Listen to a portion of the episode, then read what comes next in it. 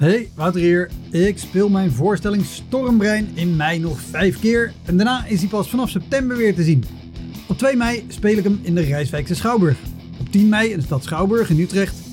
17 mei in het Toon Hermans Theater in Sittard. 25 mei in de Wiese in Schalkwijk. En 29 mei in het Stadstheater in Zoetermeer. Eind mei maak ik mijn nieuwe speellijst bekend, inclusief een te gekke show in de zomer. Meld je via elektropodcast.nl of woutermonde.nl aan voor mijn nieuwsbrief. Dan weet je als eerste waar en wanneer ik te zien ben. Sowieso is dat handig, want dan krijg je elke maand één mail met erin een overzicht van alle podcastgasten, de columns die ik die maand heb gedaan en alle shows die er in de maand erop gaan komen. Welkom, mijn naam is Wouter Monde. Dit is de Elektra Podcast. Een podcast waarin ik met collega's herinneringen ophaal aan shows die ze liever waren vergeten. Genoemd naar het roemruchte jongerencentrum Elektra in Sliedrecht, dat ooit bekend stond als de comedy hell.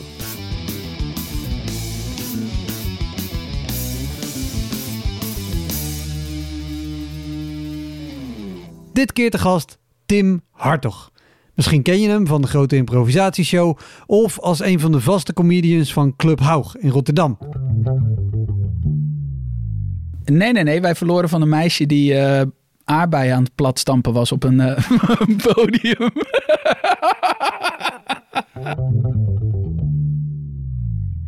Tim bleek al veel langer met comedy bezig te zijn dan ik ooit had gedacht. En ik vond het gesprek heel erg leuk, omdat Tim een cabaretopleiding heeft gevolgd en daar ook nog even een heel tof inkijkje in geeft. Heel veel plezier met luisteren. Dit is de Elektra Podcast met Tim Hartog.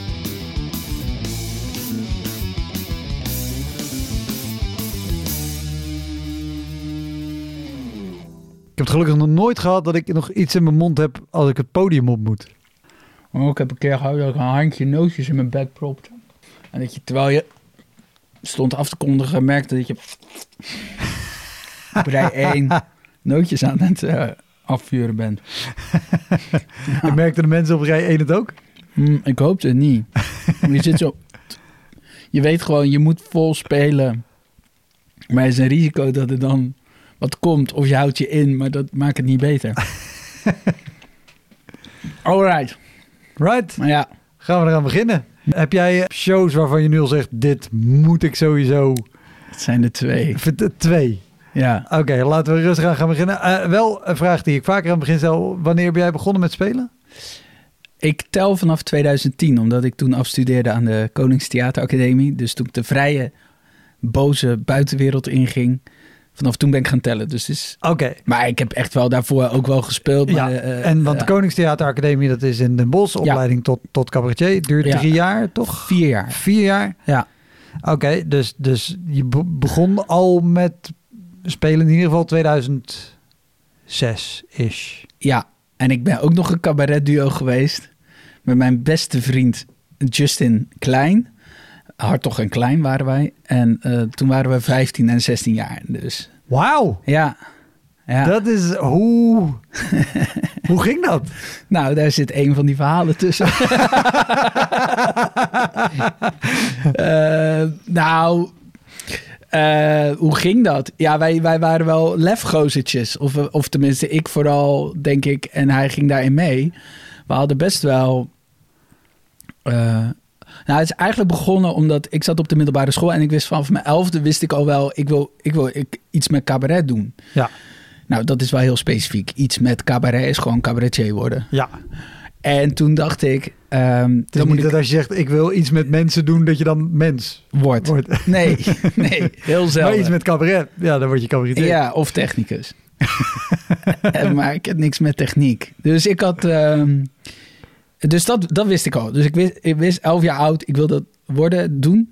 En op een gegeven moment had je op school had je iets, um, dat heette School Champs. Ja, dat, dat was zeg maar kunstbende, maar dan voor scholengemeenschappen in Rotterdam. Oké. Okay. Uh, en daar wilde ik aan meedoen. Als cabaret act. En, uh, want ja, ik had een plaat voor mijn kop en dacht, dat is een goed idee. En, voor, en, voor mijn en eigen... waar, waarom, waarom, wat was er op je elfde dat je dacht, ik wil cabaretier worden? Nou, ik had van jongs af aan werd ik ingezet als een soort joker in, op verjaardagen. Uh, dat is het het- dat is altijd mijn verhaal. Dat ehm, je had dan op een verjaardag altijd degene die als eerste kwam. Zo'n visite die dan als eerste komt, net iets te vroeg voor de afgesproken tijd. Dat doen ze alleen maar omdat ze dan ook eerder weer weg kunnen. Het zijn nooit de leuke mensen die vroeg komen. Dat weten we allemaal. Ja, als dan het gesprek een beetje stroef liep of mijn moeder stond haar nog te kammen, zei ze: Nou, Tim, vertel anders even een verhaal. En dan ging Tim van wal steken. En ik hoorde dus al vrij vaak: Oh, jullie hebben je eigen eh, eh, eh, kennis van, van mijn ouders. Zei al, oh, jullie hebben je eigen Joep van het Hek meegenomen. en dat heb ik opgeslagen. En heel veel cabaret in mijn jeugd gehoord, gezien. Ja, Eh, oké. En, en toen, toen wist ik dat daar school voor was. Ja. Dus daar komt dat vandaan. Terug School naar School Champs. Champs. Ik dacht, lijkt me leuk, gaan we meedoen. Eh, en het was zo, er zou van onze school zou een afvaardiging worden gekozen. Ehm, en ik dacht, nou, daar maken we kans op. En dat, dat was nog niet een duo. Dus toen heb ik aan mijn beste vriend gevraagd, hey, zullen wij dat anders doen? En toen zei hij, ja, lijkt me wel leuk. En toen zijn we dat gaan maken en gaan doen. En we hebben, eh, van onze school hebben wij gewonnen. Van een dansgroepje. Kijk. Dus eh, wel degelijk potentie. En toen moesten we voorspelen voor eh, de directeur van de SKVR. Wat, wat de, de kunst, Stichting Kunstzinnige Vorming Rotterdam. Dus dat is waar de muziekscholen allemaal bij aangesloten Ja. zijn. En, en die zei, ja, ik ga jullie niet door laten gaan... omdat ik denk dat dit gewoon niet gaat winnen. En, en hoe zag dat voorspelen eruit? In een eh, verlaten eh, balletlokaal met vijf, zes mensen. Dus dat kon alleen maar goed gaan. Oh, en za- zat ik echt zo klassiek, Op Ach, een rijtje. op Niet, een- achter, niet achter een bureau. maar wel op een rijtje. Ja, want zij hadden namelijk... eh, zo, het verhaal was dat wij al wat later waren in het proces. Dus wij hadden niet een soort tussenronde. Wij moesten dat doen voor, voor die paar mensen. Super vriendelijk publiek. Heel lief, heel aardig. Oké. Waaronder die directeur, eh, Bob. En die zei: Jongens, ik denk niet dat dit geschikt is voor School Champs. Wat ik super aardig van hem vond. Want ja, we waren kapot gegaan tussen alle dance acts en rap battles. Maar hij zei: Ik wil jullie heel graag uitnodigen om op de cabaretschool eh, bij ons te komen volgend jaar. Oh, wat Eh, tof. wat, wat, wat dus een soort opleidingje was. Waar ook eh Bert Klunder bijvoorbeeld les heeft gegeven. Ja, En Katinka Pulderman kwam en zo. Maar dat was eh, SKVR. en Tim Kamps heeft er volgens mij ook nog lang les gegeven? Dat, dat, ja, ja, klopt. Vol- volgens mij wel. Volgens mij Ja. wel. Weet ik niet zeker. Maar Ja, anyway. ja. En ik heb er later ook les gegeven. Ja. Dus dat is wel heel grappig. Ah, Oké, cool. En wat normaal gesproken niet mocht, omdat je, je, moest, je moest 18 zijn. En wij waren 15. En hij zegt, ja, maar ik schrijf hierbij op dat jullie mee mogen doen. Dus eh, zodoende is dat, is dat, dat duootje is, is, is eh, ont- ontstaan. En later hebben we toen een verschrikkelijk optreden gehad. Want ook even, voordat we naar dit verschrikkelijke optreden gaan. eh, want jullie waren een duo. Jij wilde heel graag cabaretier worden. Ja, Wilde Justin ook heel graag cabaretier worden? Of dacht hij gewoon, het leuk, ik zeg ja, zoals je gewoon... nou, ik merkte wel, eh, gaandeweg had hij wel zoiets van, ik vind dit heel tof. Ja, Ik vind dit heel tof. Dus hij wilde het ook wel. Maar ik was bijvoorbeeld degene die wel naar de Koningstheateracademie ging. En hij ging een studie economie doen. Want je moest eerst maar... Hij wilde eh, wel een inkomen eh, hebben. En een vangnet en zo. En niet spelen voor consumptiemunten. Nee, dat was... De, dus hij was... eh, ja, ik, het, bij mij was het alles of niets. ja, Bij mij was het meteen, bam, eh, dit, dit, ga, dit moet ik worden. ja. Ja, Oké, dus duo, cabaretschool, het verschrikkelijke optreden. het verschrikkelijke optreden. Eh, inmiddels was. ehm, nou ja, sowieso. Kijk, je bent super jong, hè? Dus, dus echt, echt, echt super jong. Mooi hoe- hoe je het begint in te kleden. ja. nee, maar je bent, je bent super jong. Dus, nou ja, omdat, omdat bijna ieder optreden is natuurlijk gewoon slecht. Want op wat voor plekken speelden jullie? Waar, waar kan je terecht als 15-jarig cabaretduo? In, ook in die tijd. Want als je nu kijkt naar open podia en wat er gewoon mogelijk is. En in die eh, tijd- Dat is, dat is nu 17 jaar geleden. Ja, Dus dat was, dat was eh, ja, begin net na het 2000. millennium. Eh, ja, Ja. 2000, ja. Ja, wat voor, voor plekken? We deden wel aan kunstbenden bijvoorbeeld. Hebben we meegedaan. Ja. Eh, toen hebben we aan, aan het Camus Kleinkunstfestival Ja, meegedaan. kun- kunstbende was, was een, een landelijke wedstrijd met allemaal regionale voorrondes. Zijn we nooit door de eerste ronde gekomen. Nee, eh, trouwens, de, eh, de edities in de jaren 90 van Kunstbende Ja. Zijn een paar edities, of in ieder geval één weet ik dat, dat ik het gezien heb. En misschien zelfs met mijn bandje meedeed. Gehost door volgens mij Najib Amhali en Jeffrey Spalburg samen als duo. Wat goed. Ja, Dat was toen hier in duo. Utrecht en Tivoli Vredenburg. In, nou, in ieder geval deden zij volgens mij de Ja. presentatie als duo. Ja. Maar goed, die, die wedstrijd, daar, daar deden jullie aan mee. Ja. Ja. Ver gekomen? Nee, nee, nee. Wij verloren van een meisje die eh aardbeien aan het platstampen was op een eh, podium. Eh, Eh, overigens, volgens mij een act waar je op de Koningstheateracademie gewoon studiepunten voor krijgt. Juist. Juist. Cum laude afgestudeerd met het platstampen van aardbeien. Shit. Nou, dus dat. dat. Sorry, ik ben verkouden, dus af en toe komt er een soort blaf uit. Ja, daar hadden we van verloren. Ja, dus je speelde... eh, Volgens mij, nou, we deden een liedje. Er was iets met, volgens mij heette het Alles of Niets. Want dat was het thema. Je moest altijd iets in een thema doen bij, bij kunstbenden. Ja, En het thema was alles of niets. En we hadden... eh, eh, zo, zo, ben je Juliana. Eh, je heet Juliana. Je bent het helemaal. Maar ach, na een tijdje, dan gaan we allemaal. Alles of niets, alles of niets. Zij was net overleden. Dus we waren ook maatschappelijk relevant. heel goed. Heel maar goed. kunstbende hebben we dus nooit, zijn we nooit doorheen gekomen. We hebben meegedaan aan het Camus Kleinkunstfestival. Dat was in het Veurtheater. Het huidige. Veurtheater Ja. Leidsendam. Heette vroeger Camus.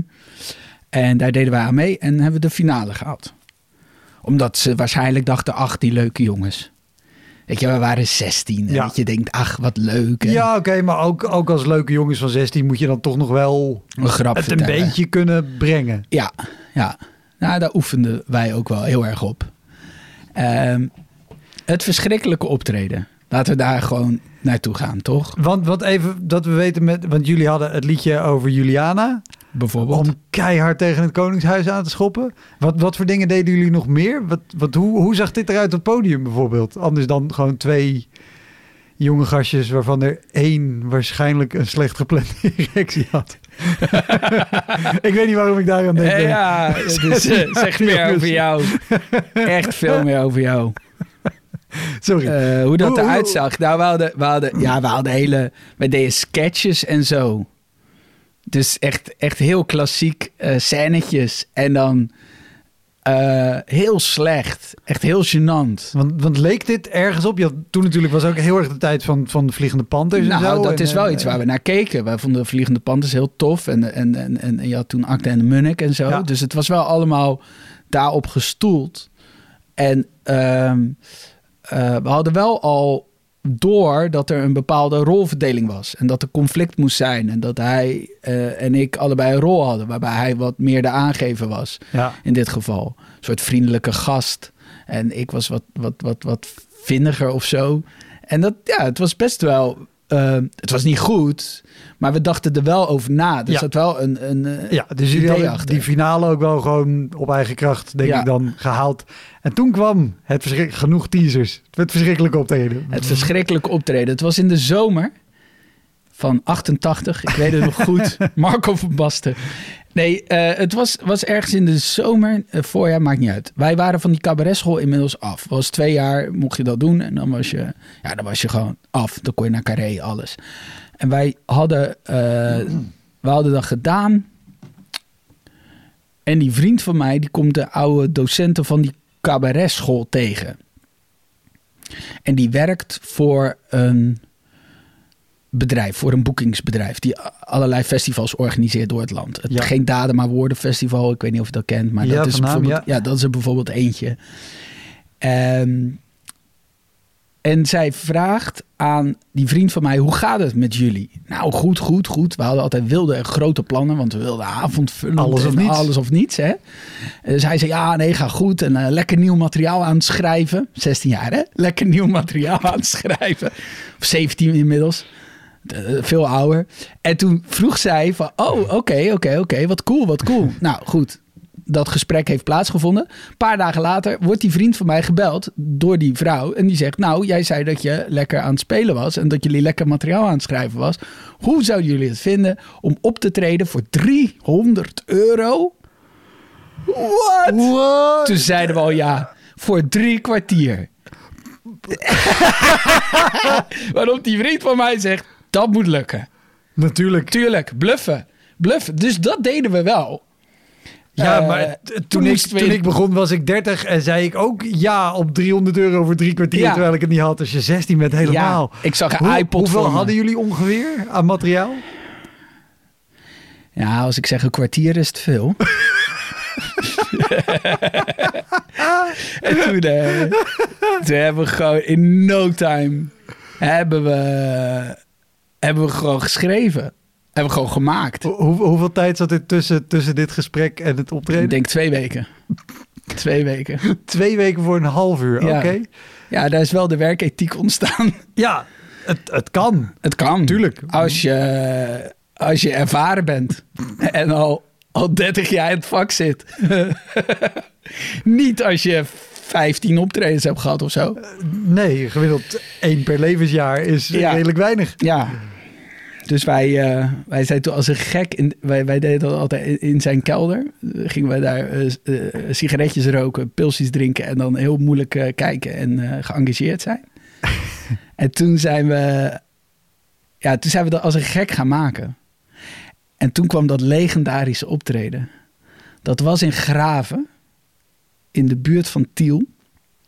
Ja, oké. En dat is eh, op het eh, dat terrein is van eh, Jan de Bouvry, het Arsenaal in Graven.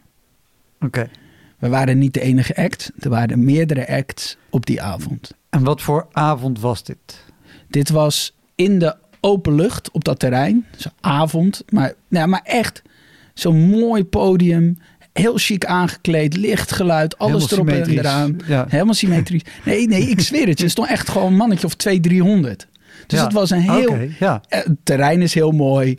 Eh, zij snappen. eh, dus het was helemaal puik, ge- puik georganiseerd. Echt.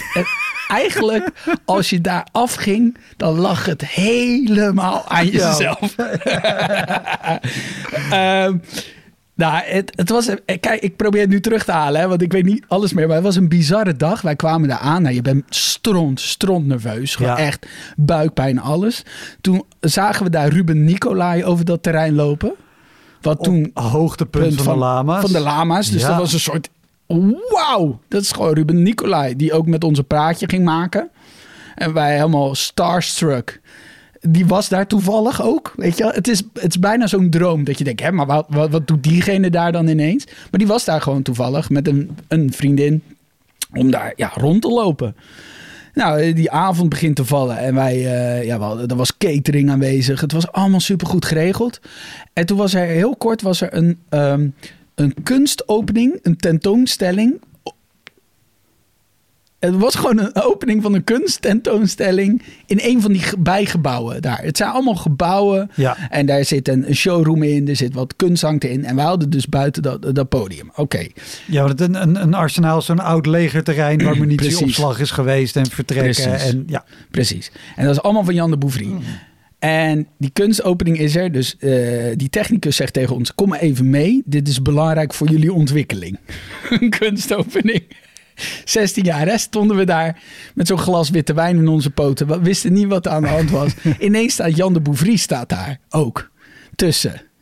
Waarop die Ja, vriend. en, en ik, ik onderbreek je heel even, want... want als eh, iets de- onduidelijk is, zeg het. Hè, Nou ja, maar- er lu- luisteren ook mensen uit Vlaanderen volgens mij. Dus Jan de Bouvry, als je hem niet kent, is een hele grote eh, ontwerper in Nederland. binnenhuisarchitect. Ja, binnenhuisarchitect. is, is, is echt top of the bill.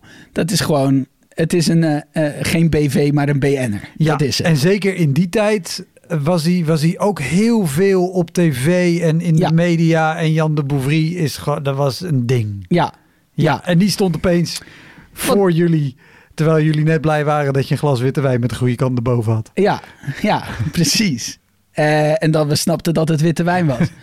En wij staan daar, dus we, moe- we hadden nog niet opgetreden. Hè? Je staat daar dus al een bizar. Je ziet eerst die eh, Ruben Nicolai, toen, toen Jan de Bouvry. En die vriend van mij, die is naar Jan de Bouvry gegaan. en die vroeg aan hem, mag ik u wat vragen? Waarop Jan de Bouvry zegt, nou zeg maar je. Ja, zegt die vriend van me, dat is zo raar, want dan moet ik jij zeggen. Uh, dus, dus al gewoon zo van, ja, dan moet ik jij tegen... Of jou, hij zegt, hij vraagt aan hem... Uh, Oké, okay, uh, is dit allemaal van jou? Vraagt hij.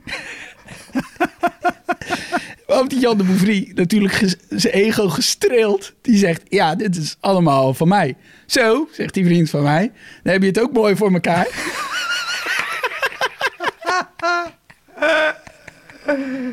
ja, dit is gewoon aan de hand, hè?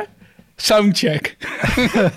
Wij soundchecken. Vraagt die technicus aan ons. Uh, gaan jullie dit vanavond ook doen? Wat natuurlijk voor een technicus een hele normale vraag is, omdat hij dan in kan schatten hoe hij het geluid moet afstellen. Ja, ja, Wij werden ja. doodonzeker. Ja. Want tijdens een, een doorloop wordt er nooit gelachen. De, de, dat is de... Sterker nog, ik werd net onzeker al van de vraag. Want als iemand zegt, oh, ga je dit vanavond ook doen? ja. Dat is hoe je het interpreteert. Juist. Als iemand dat... Wij gingen kapot. Ja. Nou, de, de avond valt. Die, die uh, volledig, uh, dat, dat veld stroomt vol. Uh, wij worden aangekondigd. En wij gaan drie kwartier spelen. Ja, ja in mijn hoofd weet ik dus niet meer of ik echt dood ben gegaan. Maar dat moet haast wel. Maar het mooiste aan het verhaal is, is de nasleep. Wij hebben die, die drie kwartier gedaan en het was, ja, het was gewoon niet, ja, er werd gewoon soms gewoon echt gewoon niet gelachen. Gewoon Ja. helemaal niks. Ik heb volgens mij zelfs de opmerking gemaakt toen al. Ik hoorde de klokken van Graven hoorde ik, eh, eh, eh, luiden. Zo'n zo'n kerkklok ergens in de vette. Ik zei, nou, het feit dat we dit nu horen met z'n allen is geen goed teken. Dus ik was wel... Ik had die tegenwoordigheid van geest om dat op te merken. Toen is... Maar wel het chapeau trouwens, dat als je zo jong bent en zo weinig speelt. De, de meeste mensen die net beginnen met spelen, of de meeste comedies die net beginnen, die zitten zo vast in hun materiaal. Daar kan gewoon een hele fanfare langs lopen en die hebben nog steeds niet door. Nee, klopt. Maar... Maar ehm, jij had door, ik sta in graven keihard dood te gaan. en ik, Nou. hoorde, ik hoorde kerkklok al. Eh, nou, doodgaan, nee, ja, achteraf voelde het best wel oké. want je, je bent niks gewend. Dus je snapt niet wat, wat goed gaan is. ja. Dus je hebt geen vergelijking. Dus op zich ging het prima voor je gevoel. je denkt, nou, 300 euro in de zak. Ik koop morgen een iPod. Weet je, dat was een beetje hoe je, hoe je erin stond.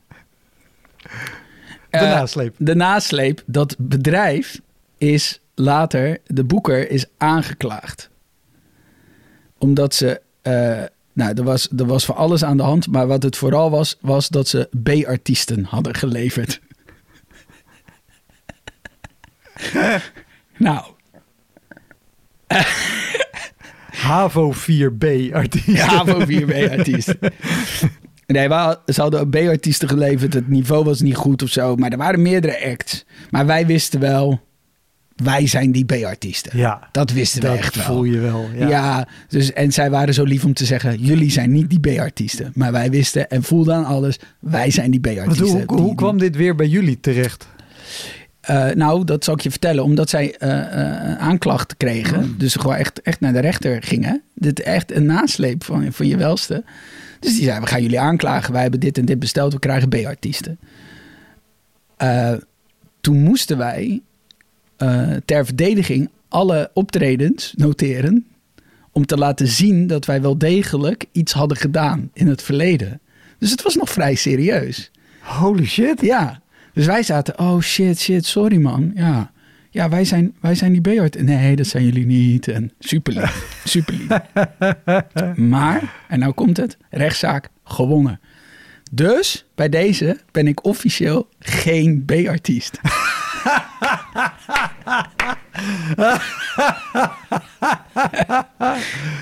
Oh, jezus. Maar ook... Ik zit gelijk te rekenen. Als zij dus deze hele setting met een, een, een podium wat daar neer wordt gezet... en technici Ja. ingehuurd en weet ik wat... en de, de schaalgrootte en Jan de Bouvry op dat moment... daar zit best wel wat geld in. Ja, Als een organisatie dan een, een, een boekingskantoor inhuurt voor een line-up met artiesten.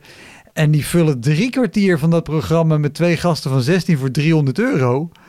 dan is daar best een grote marge Ik zie het probleem niet. niet bij jullie terechtgekomen. Nee. Laat ik zo zeggen, Ah, Ruben. Nicolai was daar niet gaan staan. Drie kwartier voor nee, 300 nee, euro. Nee, nee, dat denk ik niet. Dat denk ik niet. Hoewel ik het eh, echt niet weet hoe dat, hoe dat toen is gegaan. Eh, ja, maar wel, wel gewoon. Wij waren heel trots. En wij vonden bijna, het, bijna een soort geuzending werd het natuurlijk. Dat wij, eh, dat, dat wij werden aangeklaagd wegens het zijn van B-artiesten. Dat is natuurlijk hartstikke grappig. Wij vonden het toen al heel kick dat Ja. dat aan de hand was. Maar hoe, hoe, hoe kwamen jullie met. Want kijk, jij zal later in je eentje eh, ook net als iedereen shows hebben gehad... waarbij je afkomt en denkt... Oeh, Ja, dit was... nee, die ken ik niet. Dit was eh, eh, die kent iedereen. Ja, ja, ja, tuurlijk. Eh, nee, die, die kent iedereen. En, en dat, dat hoort er ook bij. Maar hoe... Jullie waren met z'n tweeën. Hoe, hoe gingen jullie met z'n tweeën? Sowieso... Waren jullie daar met de trein? Of jullie je waren er niet heen gereden? Of iemand heeft jullie gebracht? Nee, wij werden opgehaald. Wij, werden, wij gingen erheen met de trein en we werden opgehaald door de ouders van die vriend van mij. Ja. Dus het was echt wel. Ja, het was wel een hoogtepunt ook, weet je. En die tent, ik meen het, dat was echt oerol kwaliteit, hè. Dus echt gewoon zo'n overdekt podium. eh, Ja, ja, ja. ja, ja. Wat daar speciaal voor opgezet was. Dus het was, ja, wat ik zeg, de omstandigheden waren perfect. Je had daar echt een hele toffe, al was het buiten, al was het staand Ja. publiek, je had er echt een toffe show van kunnen maken. Maar, maar hadden jullie, dat bedoel ik vooral, hadden jullie met z'n tweeën ook achteraf wel door zo'n...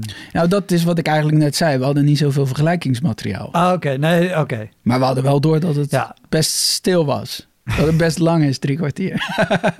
En, en hoe lang zijn jullie nog doorgegaan als duo de Wij zijn geen B-artiest? Eh, totdat ik naar de Koningstheateracademie ging. Ja. Dus eh, eh, ja, tot, tot, tot mijn negentiende of zo. Ja, op mijn negentiende ging ik daarheen. Ja. Hey, Wouter hier. Ik speel mijn voorstelling Stormbrein in mei nog vijf keer. En daarna is hij pas vanaf september weer te zien.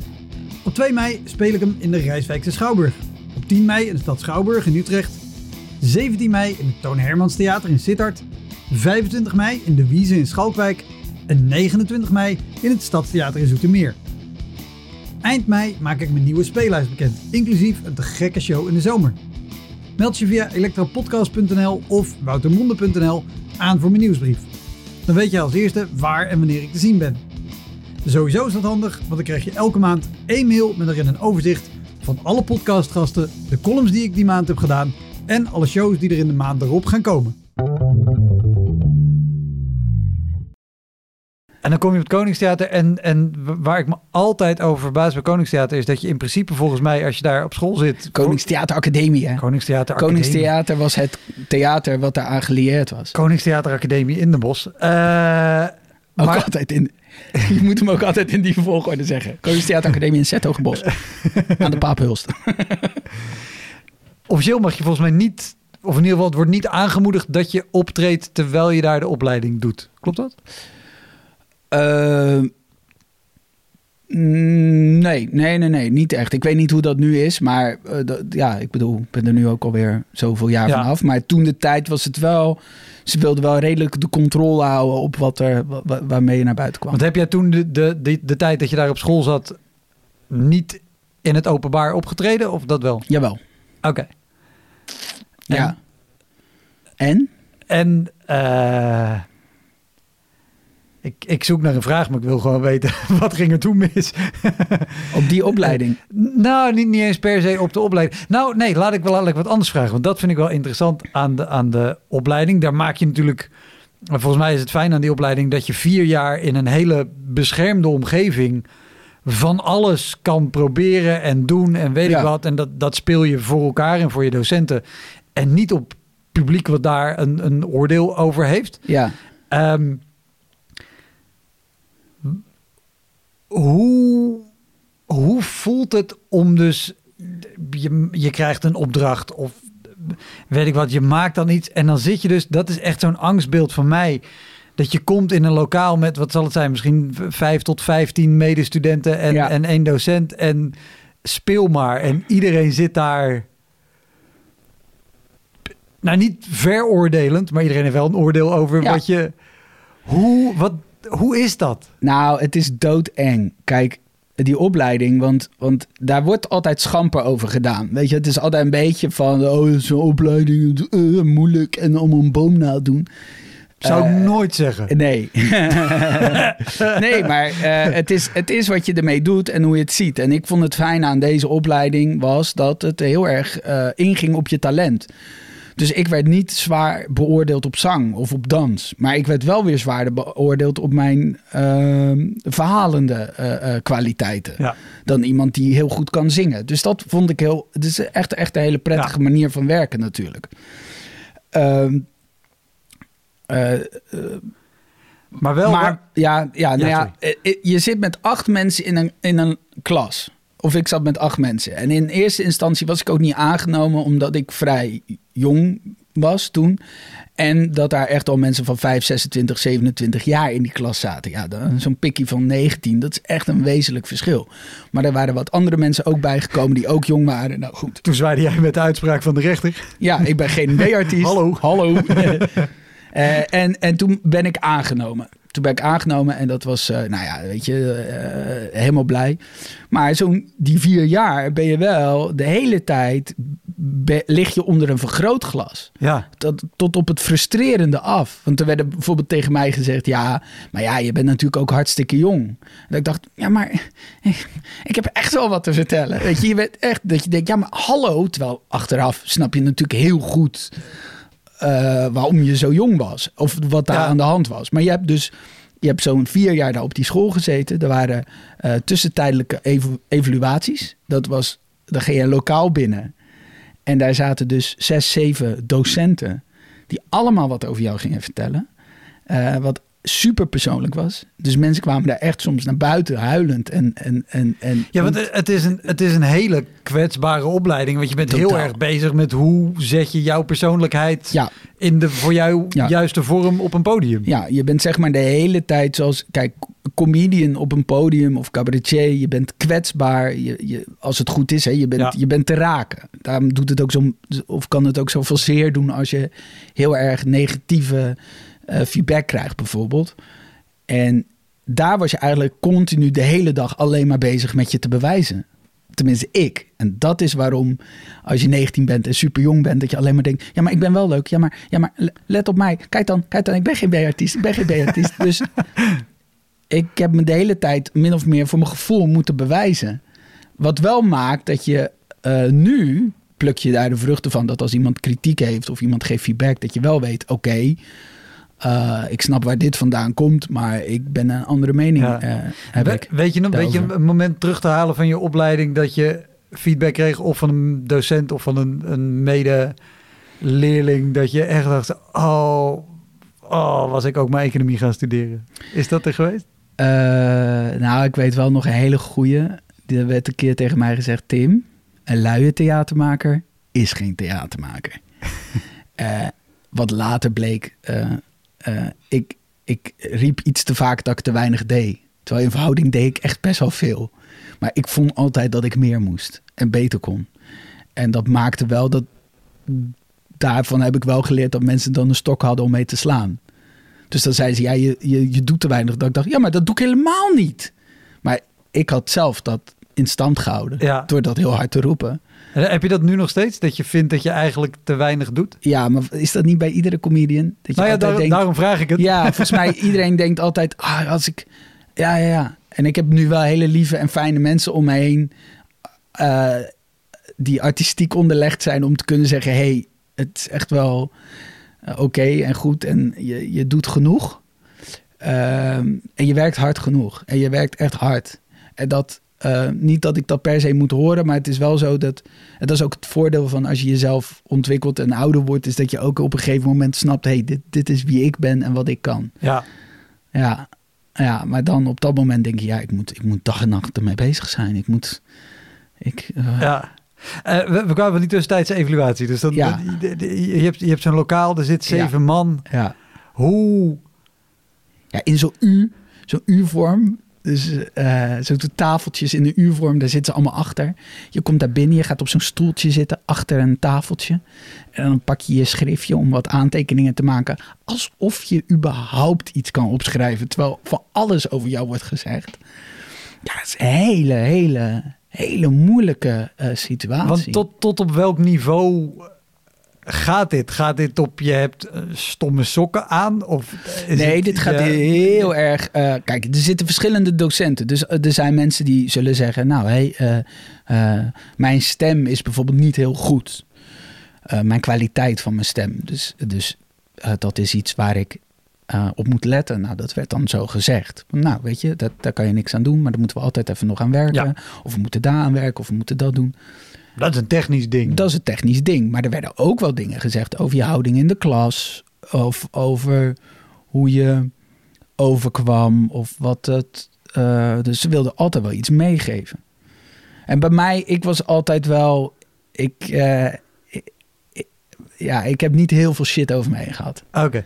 Wat- Ik ben ook afgestudeerd hè, daar. Dus dat zou Ja. niet goed zijn dat ze zeggen: ja, maar jij, jij gaat niet redden. En dat ik Want dan. wel, als ik kijk... eh, Ik, ik heb altijd het idee bij als je zo'n opleiding doet... en of het nou eh, KTA is of eh, Ja. toneelacademie... Of, of bijvoorbeeld je Conservatorium ook, hè? conservatorium. Misschien ook je, je eh, als je aangenomen wordt bij de Comedy Train... Ja. dan heb je een jaar lang aspirant, ben je aspirantlid. Ik kan me voorstellen dat het ook zo is. Ik heb het idee, je zit dan heel erg in, in een snelkookpan... waarin je Ja. een ontwikkeling doormaakt... die je anders op een podium doormaakt. Ja, Alleen het, wat ik, nou, ik ben benieuwd hoe jij dat ervaren hebt.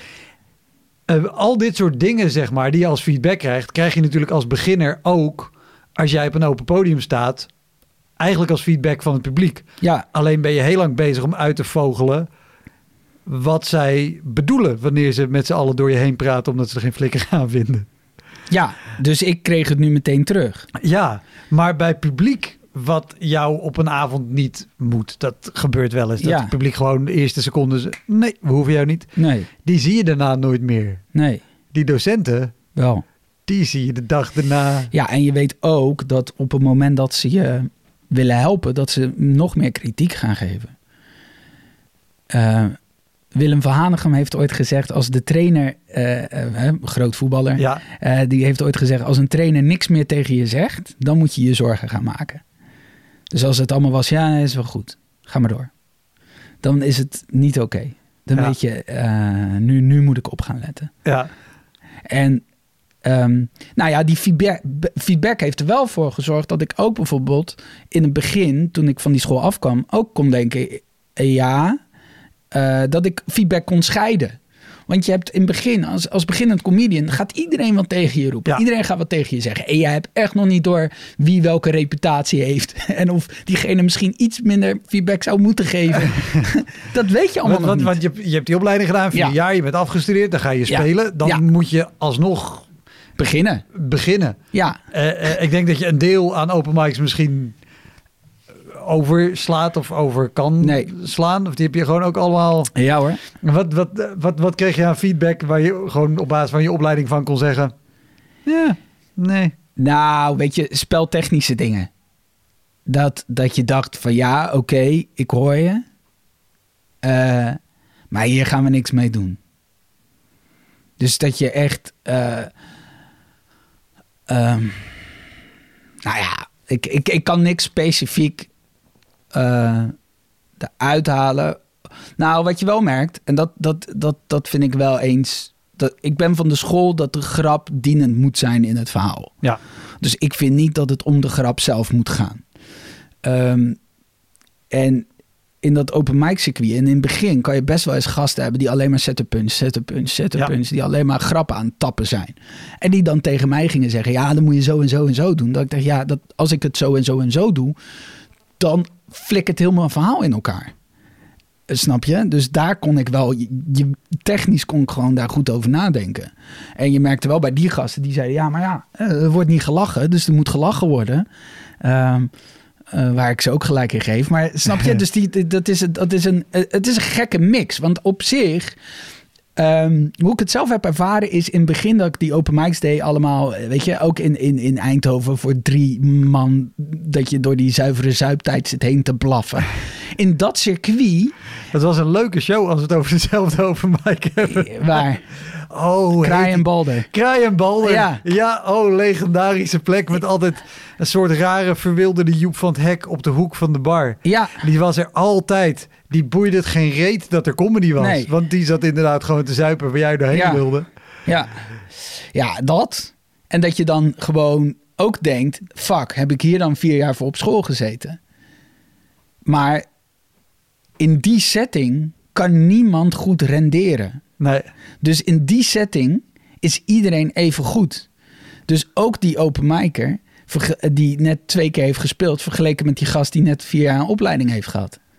Dus je kan daar niet zien wie er, eh, wie er geschoold is of niet. Nee.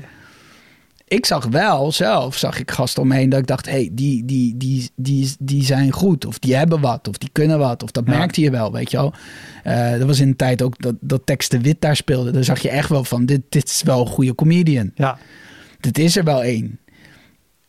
Dus het was heel frustrerend voor mij om in dat circuit te komen en te denken: ja, maar ik ben gewoon niks hier. Dit is gewoon niks. Ik kan hier niks mee. En dan zeiden mensen omheen: ja, maar ja, wat jij doet, dat, dat, dat Wat, is. wat, hoe gingen die shows dan? Als je daar, je komt, je krijgt een bal er om het even te schetsen. Het, het is echt gewoon een buurtkroeg met een Ja. podium. Er zijn ook muziekoptredens. Er hangt licht op zich allemaal dat je binnenkomt. Dat je denkt, nou, dit kan best leuk worden. Maar wel gewoon een vrij simpele recht toe, recht aan kroeg Ja. en dito publiek. Ik zou daar nu heel graag spelen. Het is gewoon een leuke comedyplek. Ja, precies. Ja. Maar, maar hoe, hoe ging dat voor jou met, met misschien in je hoofd... Ik ben afgestudeerd theatermaker, Ja. zeker geen B-artiest. Ik Nee. ga eens even hier een goed verhaal met een paar goed geplaatste grappen vertellen. Nou, het. ehm, ja, hoe gingen die optredens? Ja, voor zover er iets uit te halen was. Snap je? Eh, als, daar, als daar vier man aan een bar zitten, ja, wat, wat krijg je dan? Ja, Niks. Ja. niks. Nee, nee, dus ging het goed. Ja, weet je niet. Het Heb was jij- best wel. Ik, ik kan me herinneren dat ik het toen heel frustrerend vond. Ik vond dat heel moeilijk. Niet omdat ik de arrogantie had van, oh, hier kom ik, ik de afgestudeerde, helemaal niet. Maar je had wel zoiets van, ja, verdomme jongens, eh, eh, eh, dit snap ik. Op een gegeven moment werd, werd wel in mijn omgeving gezegd, ja, maar daar moet je toch niet meer, dat moet je toch dan niet gaan doen. En dat is eigenlijk ook wat ik iedere beginnende comedian zou willen uitleggen, eh, vertellen of meegeven. Van, ga dat gewoon niet doen. Want je hebt, je hebt er gewoon... Dat is... Er moet publiek zijn, toch? Ja. Er moet gewoon... al is het tien man. Maar daar kan je al zien. Anders is het een soort...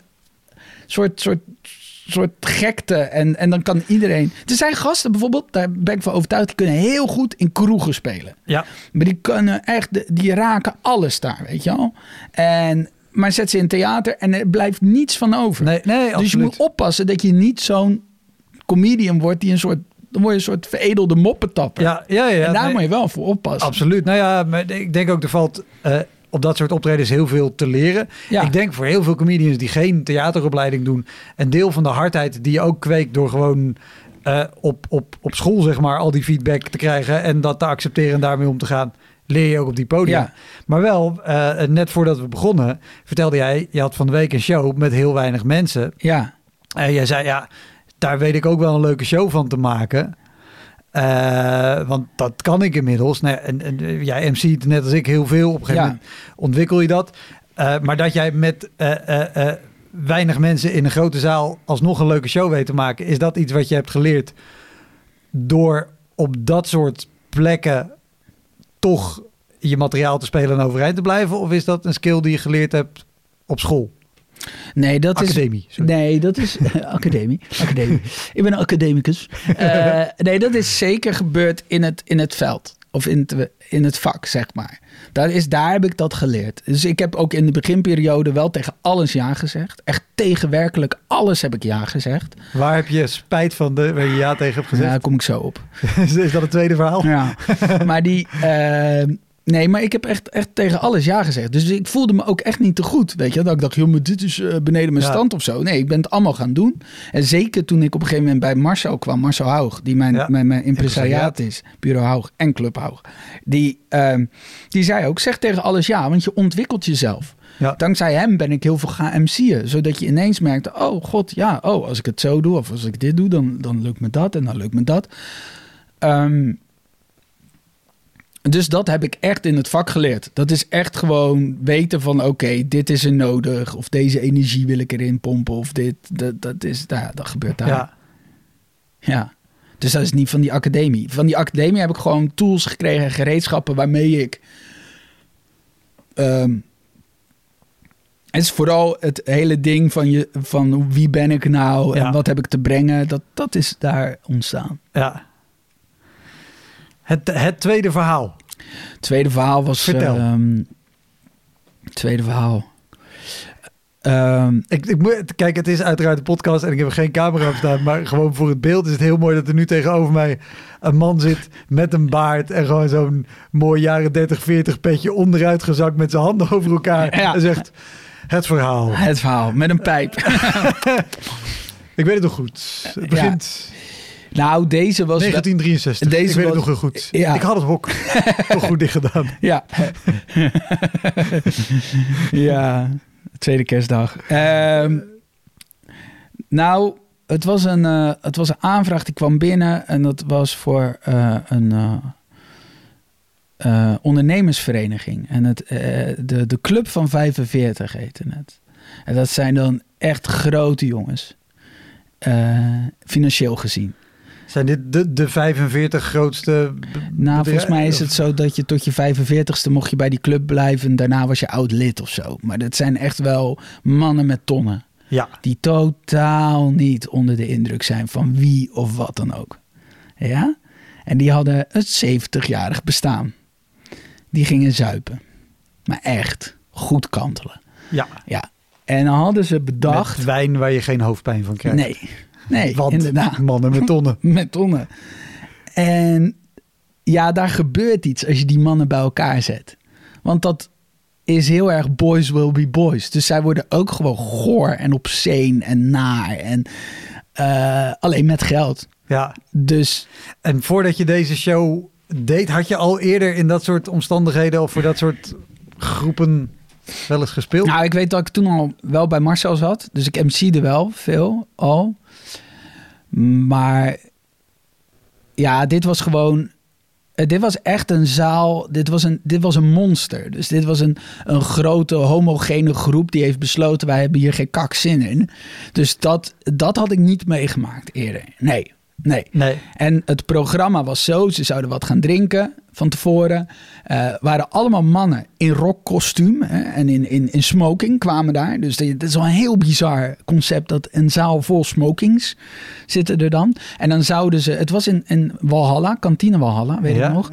Beneden bij een- in een, een of andere loods hadden ze speciaal een, een, een podium gemaakt. Dus wederom omstandigheden perfect. En toen hadden ze in de kleine Walhalla, dat is eh, even verderop, hadden ze een burlesque show. Ja. Dus je hebt twee groepen van nou, 70, 80 man. De ene groep zat bij comedy, de andere groep bij burlesque. En na En nogmaals, eh, alleen maar mannen, mannen, mannen. met veel geld Ja. die een, een, waarschijnlijk een, een hoge positie hebben binnen het bedrijf waar ze werken. en een bepaald vrouwbeeld ook. Een bepaald vrouwbeeld en een bepaald alcoholpercentage. Juist. Nou, en die. eh, en eh, als die show was afgelopen, gingen, werden die groepen gewisseld. Ik zou daar optreden met Kees van Amstel. Ja, comedian. Ja. Ja. Een zeer gewaardeerd collega. Ja, absoluut. Ik moest openen. Want dan zou ik een beetje MC'end openen. Een beetje uitleggen wat er gebeurt. Deed ik wat materiaal. Zette ik eh, Kees erop. En dan eh, hadden we een showtje. Ik kom oplopen. Ik... Ja... ik, weet, ik weet niet eens hoe het begon.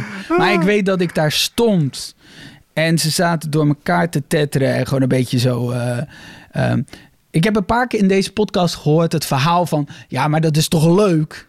Daar help ik jullie toch mee. Een Ja. beetje uitdagen. Een Ja. beetje iets roepen. Ja. Nou, dit was zo'n groep. En ik wist daar gewoon totaal niet mee om te gaan. Want ik was ook onder de indruk van die gasten. Dat ik dacht, er zitten gewoon 80, 90 mensen met een, met een smoking aan. Dat is heel raar.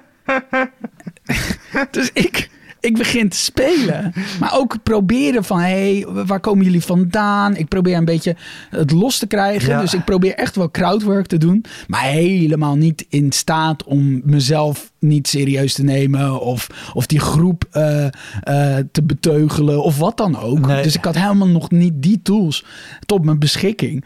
En ik weet dat ik op een gegeven moment ja, een beetje zo maar halfslachtig probeerde. Ja, ehm, eh, nou, waar komen jullie dan vandaan? Oh, eh, de- en, en, en jullie dan? En ja, gewoon niks. Helemaal Ja. niks. Oh. Waarop één dronken man ergens op de achtergrond keihard roept...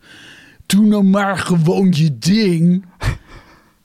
en dat deed zo'n pijn. Oh, Dat is ja. zo denigrerend als je op een podium staat en denkt... Ja, maar ik sta hier Dat ook voor jullie. ik doe mijn ding. En ik dacht, waarom, waarom zijn jullie zo onaardig? Dat. Oh. Dat je echt gewoon helemaal kapot gaat van binnen. Omdat je denkt, ja maar, ja maar, huh? Kom, huh? ga dan weg, weet je wel. Ja. Terwijl nu zou ik zoiets hebben, ja, eh, fuck dat. Eh, eh, ja, dat, dat gaan we anders oplossen. Ja. Maar ik, ik ging kapot. En toen was er een pauze. En ik weet dat ik in die pauze echt bij mezelf dacht, ik ga niet meer. Ik, ik, ik ga niet een tweede keer voor die, ik ga niet weer voor die groep staan. Ik ga niet weer voor die groep staan. En ik wist, Kees van Amstel kwam na mij op. Want moest je nog een keer voor dezelfde groep of dit was voor de, andere voor die groep? wisselende Die- groep, zeg maar. Er waren die al- hadden al tieten gezien. Die hadden tieten gezien. ja. en Dus die, waren een stuk nog- rustiger. Maar die moesten nog even door de comedy heen. zitten. Ja. Nee, maar dus die, die eerste groep, ik weet dat na mij kwam Kees en die, die blies die tent op. Echt het dak ging af. Wat het eigenlijk nog erger maakte, omdat ik dacht, oh, ze waren echt tegen mij. Het was echt, het was echt mijn, mijn fout. Ik heb hier gewoon niet goed op gereageerd. Maar heb je En- nu achteraf en jaren later een idee waarom Kees daar beter mee om kan gaan of andere reactie kreeg dan jij?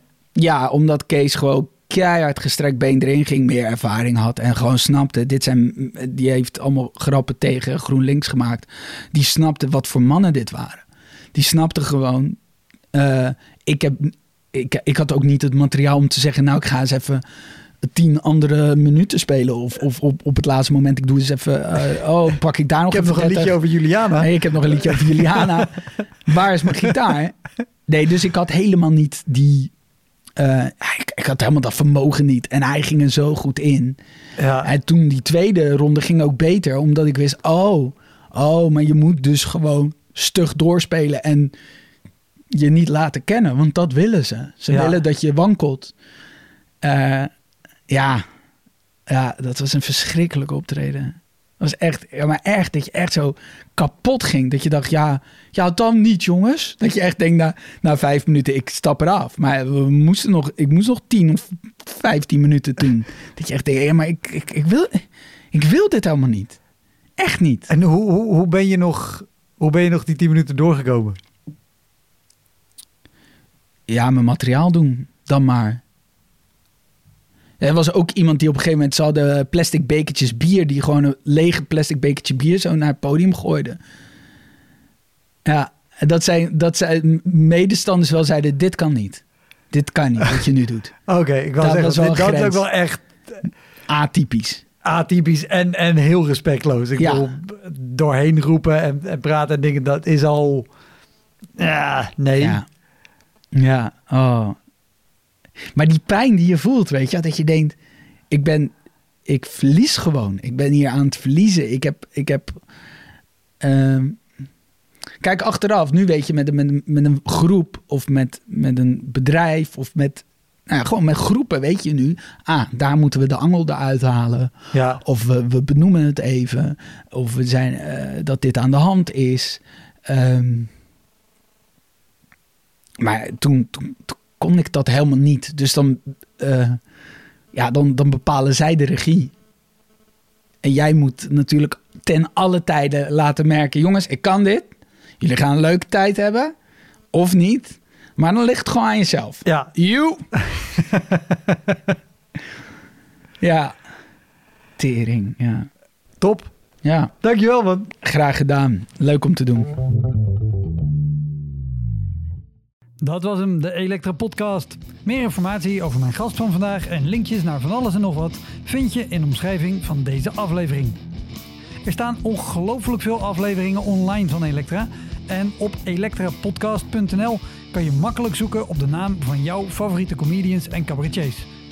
Je kan daar ook eenmalig doneren of crewmember worden. Als crewmember betaal je maandelijks een klein bedrag, maar dan krijg je ook nog eens bonusmateriaal. Je luistert voortaan zonder onderbrekingen en je krijgt consumptiebonnen die je kan inleveren bij een show van mij. Ik vind het sowieso te gek als je een keer komt kijken bij mij. Dus ga naar woutermonde.nl, daar zie je precies waar en wanneer ik optreed. Of meld je aan voor de nieuwsbrief, dan hou ik je op die manier op de hoogte. En dan nog iets, elke vrijdagmorgen doe ik een column op radiostation Kink. Je kan die column terugluisteren als podcast. Hij heet Kink op de Week en je vindt hem in de app waar je ook deze podcast luistert. Oké, tot de volgende Elektra. Hoi!